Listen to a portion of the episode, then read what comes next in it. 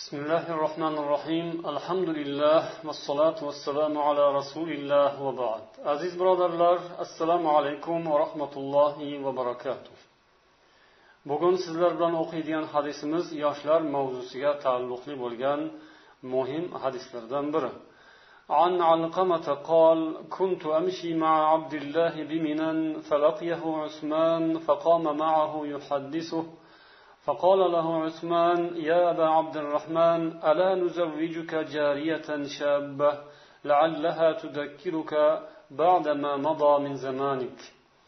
قال فقال عبد الله لئن قلت ذلك لقد قال لنا رسول الله صلى الله عليه وسلم يا معشر الشباب من استطاع منكم الباءة فليتزوج فإنه أغض للبصر وأحسن للفرج ومن لم يستطع فعليه بالصوم فإنه له وجاء رواه البخاري ومسلم alqama dedilar men abdulloh bilan minoda ketayotgan edim shunda u kishiga usmon yo'liqib birga gaplashib turdilar usmon abdullohga dedilar ey abu abdurahmon sizni biror bir yosh qizga uylantirib qo'ysak bo'larmidi U o'tgan damlaringizdan ba'zilarini eslatib turardi dedilar. Shunda abdulloh aytdilar siz shunday deydigan bo'lsangiz bizga rasululloh sollallohu alayhi vasallam mana bunday deb aytgan edilar. Ey yigitlar jamoasi sizlardan kimki uylanishga qurbi kelsa uylansin chunki bu ish ko'zni to'sish uchun parda nafsni saqlash uchun qo'rg'ondir. Kimki uylanishga qodir bo'lmasa bas o'ziga ro'zani lozim tutsin. Chunki ro'za u uchun jilovdir. Buxoriy va muslim rivoyatlari. Mana bu hadis bizga ro'za ibodatidan hosil bo'ladigan yana bir muhim hikmatni eslatadi. U ham bo'lsa avvalo ramazon oyining yoshlar tarbiyasi uchun nihoyatda e'tiborli jihati bo'lsa ya'ni bu tarbiya borasida yoshlar tarbiyasi borasida muhim oy ekanligi bo'lsa ikkinchi jihatdan olsak bu ro'za ibodati ramazondan boshqa oylarda ham boshqa paytlarda ham yigitlar uchun manfaatli juda ham bir zarur bo'lgan ibodat ekanligidir. Bu hadisning avvalida kelgan ya'ni bu hadisni aytilishiga sabab bo'lgan voqeaga keyin to'xtalamiz lekin asosiy nuqta payg'ambar sollallohu alayhi vasallamning yoshlarga qilgan nasihatlari. Ya'ni ey yigitlar sizlardan uylanishga qurbi keladiganingiz bo'lsa uylaningiz dedilar. Buning ma'nosi ya'ni nikohga qodir bo'lganlar degan iboraning ma'nosini ulamolar ikki xil tavil qilishgan. Birinchisi inson balog'at yoshiga yetib jismonan uylanishga layoqatli holatga yetsa ya'ni uylanishga loyiq inson bo'lsa degan ma'no. Ikkinchisi esa shu uylanish masalasining boshqa shartlariga bog'liq ya'ni nikohning o'ziga yarasha mas'uliyati bo'ladi o'ziga yarasha shartlari bo'ladi. Inson uylanishga qurbi yetadigan balog'atga yetgan shunday bir balog'at yoshiga yetdiyu bo'ldi emas. Albatta bu bir necha tomonlar ya'ni kamida demak qudalar ota ona va boshqalar o'rtalarida maslahat bilan hal bo'ladigan o'ziga yarasha mas'uliyati va boshqa jihatlari bo'lgan ish. Mana shu narsalarga qodir bo'lgan insonlar uylansin deb rasululloh sollallohu alayhi vasallam tavsiya qilyaptilar. Ammo bu ishga qodir bo'lmasa qurbi kelmasa ya'ni uylanish masalasida ba'zi shartlarni demak bajo qila olmayotgan bo'lsa nimadir noaniliklar bo'ladigan bo'lsa unday paytda ularga rasululloh sollallohu alayhi vasallam ro'za ibodatini tavsiya qildilar.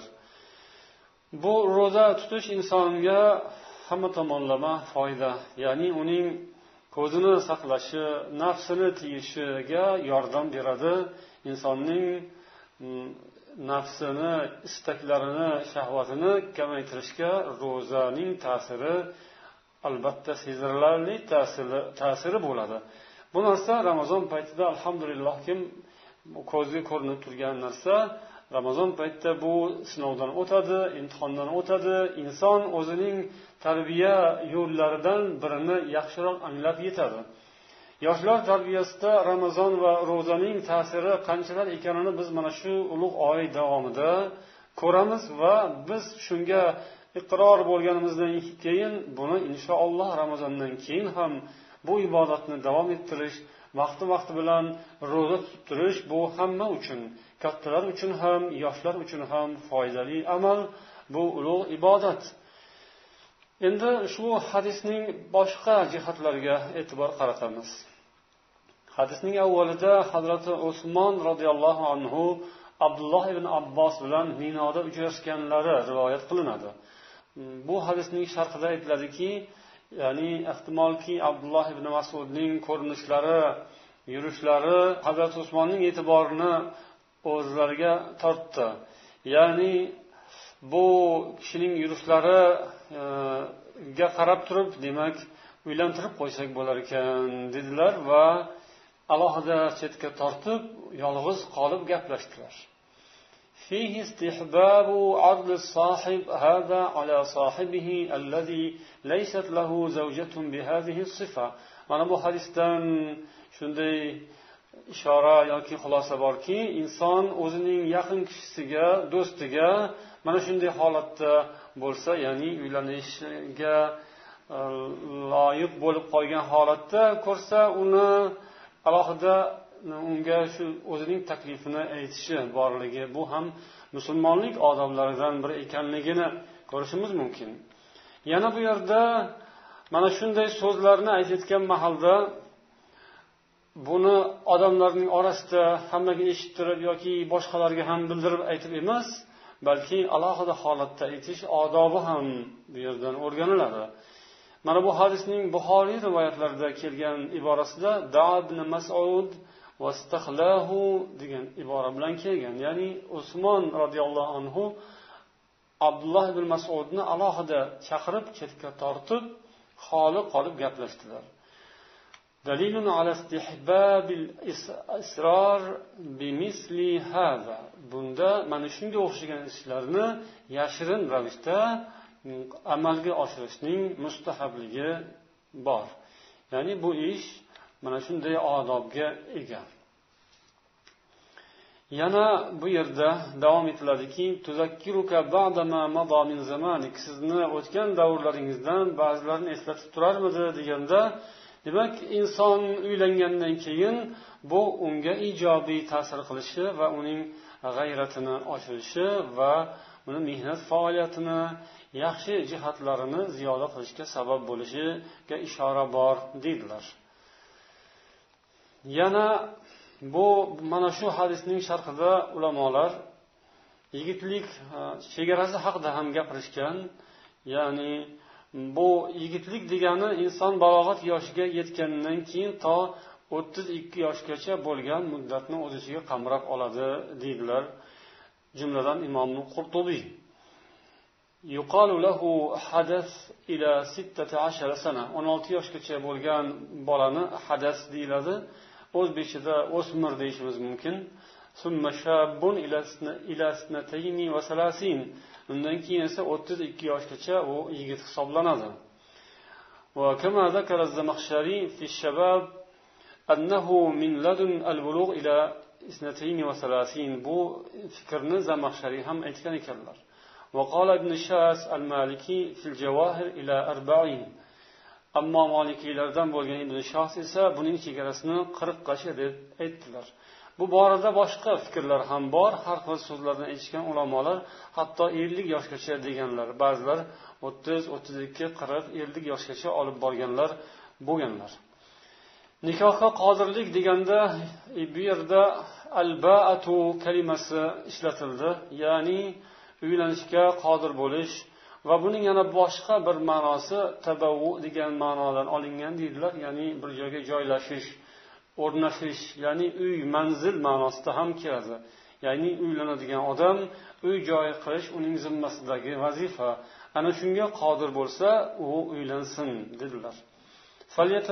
Kalimasidan uylansin degan kalimadan chiqadigan hukmni esa insonning holatiga qarab belgilanadi deyiladi. Ya'ni uylanishning hukmi nima? Uylanishning hukmi ba'zi odam uchun umuman olganda sunnat. Rasululloh sollallohu alayhi vasallamning sunnatlari. Ba'zan bu farz bo'lishi mumkin ba'zan mustahab bo'lishi mumkin ba'zan muboh bo'ladi ba'zan harom ham bo'lishi mumkin. Harom bo'ladigan holati buning talablariga javob bera olmaslik. Bu demak mumkin emas. To uylanishga inson qodir bo'lib uning shartlari va talablariga javob beradigan holatga erishmaguncha bu ishga kirishishi mumkin bo'lmaydi. Va yana bu hadisning oxirida dedilar. Ya'ni bu narsa u yoshlar uchun mana shu ro'za vijo vijoning to'g'rima to'g'ri so'zma so'z tarjimasi biroz o'rinsizroq chiqishi mumkin. Shuning uchun biz uni jilovdir deb tarjima qildik. Vijo kesish ma'nosida ya'ni bu insonning shahvatini kesadigan bir ta'sir chorasi. Bu butunlay emas balkim insonni shunday mayl va istaklarini kamaytirishga ta'siri bo'ladi. Demak uni biz o'zbek tilida jilov deb aytsak bo'ladi.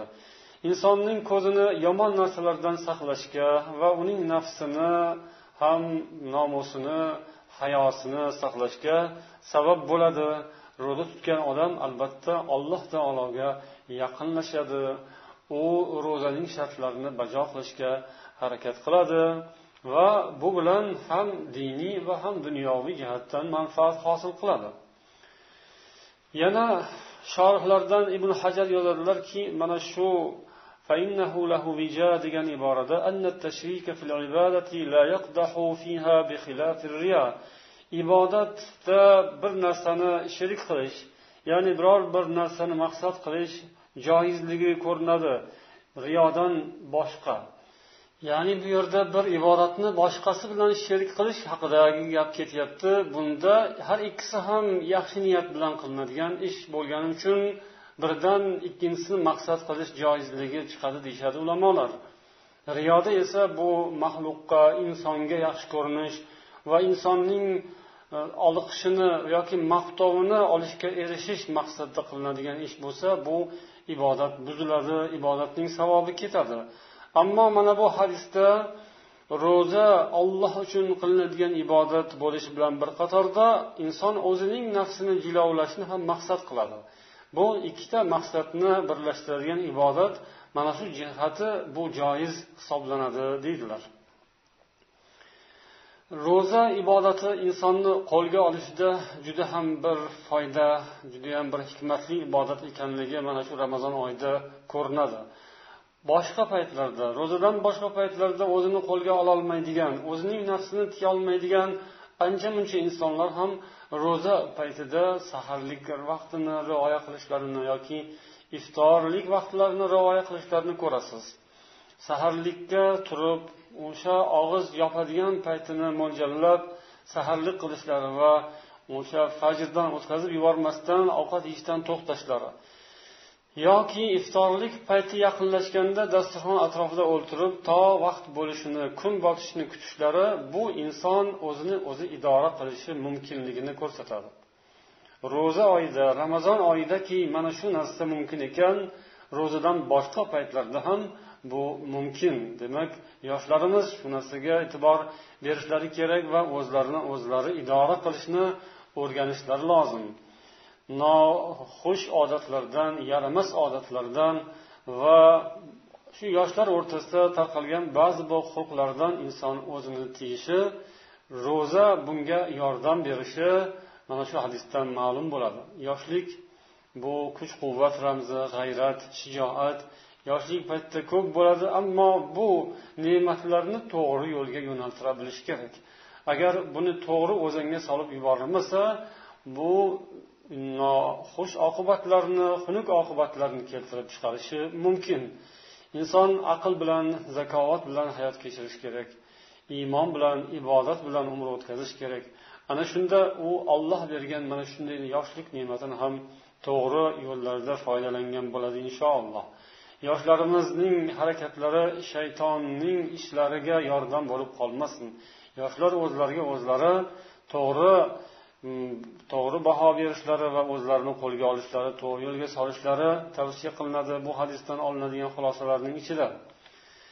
Inson mana shu ramazon oyida ro'za tutishga odatlanib bu ibodatni inson qo'lidan keladigan odat ekanligi hmm, bu ma'lum bo'ladi.